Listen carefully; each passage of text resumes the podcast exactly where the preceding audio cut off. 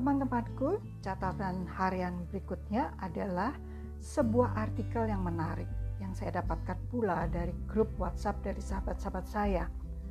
Ada 12 saran bagi yang berusia 55 tahun ke atas untuk menjadikan masa tua yang indah. Apa aja sih saran-sarannya? Yang pertama, fokus.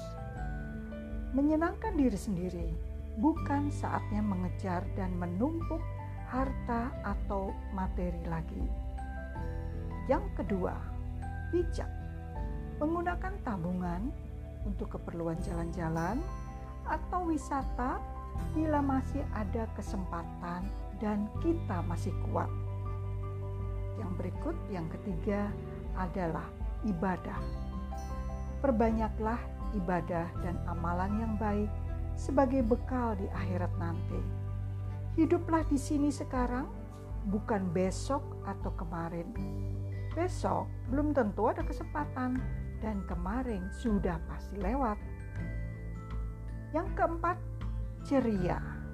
Bermainlah dengan cucu kalau ada, bukan menjadi babysitter, dan juga bukan pula menjadi satpam kalau anak-anak sedang bepergian. Yang kelima, ikhlas.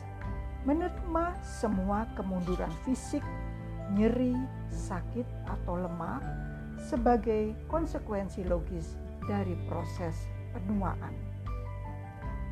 Yang berikut, yang keenam, nikmati. Kondisi yang ada sekarang tidak perlu terus-menerus banting tulang lagi. Nikmati makanan dengan asupan yang sehat. Nah, kita beralih di saran yang ketujuh. Syukuri. Hidup dengan pasangan, anak atau cucu, dan teman-teman yang merasa dekat dengan Anda, bukan karena harta atau kedudukan kita. Kedelapan, pemaaf.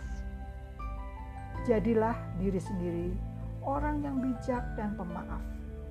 Minta maaf dan memberi maaf kepada orang lain perlu ketenangan batin dengan menghilangkan dendam dan benci. Kesembilan, bersahabat dengan siapa saja sebagai bagian dari hidup yang normal. Jangan takut mati, karena semua orang pasti mati. Dan jangan mudah salah paham, apalagi marah-marah tanpa sebab, karena hal itu bisa bikin mati mendadak. Nah, yang terpenting ke-11 adalah olahraga.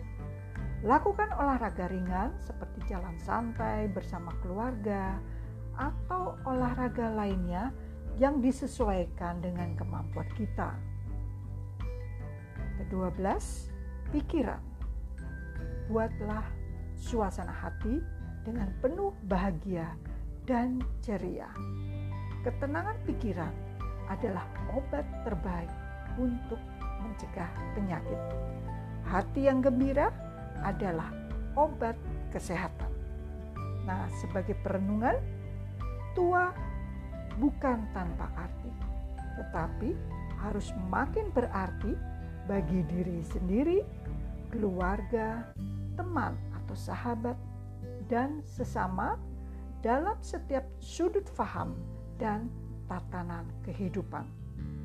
Berpikirlah selalu positif, tetaplah semangat. Salam sehat, kita semua tentunya ingin hidup bahagia dan kita percaya bahwa kita akan semakin sehat. Terima kasih.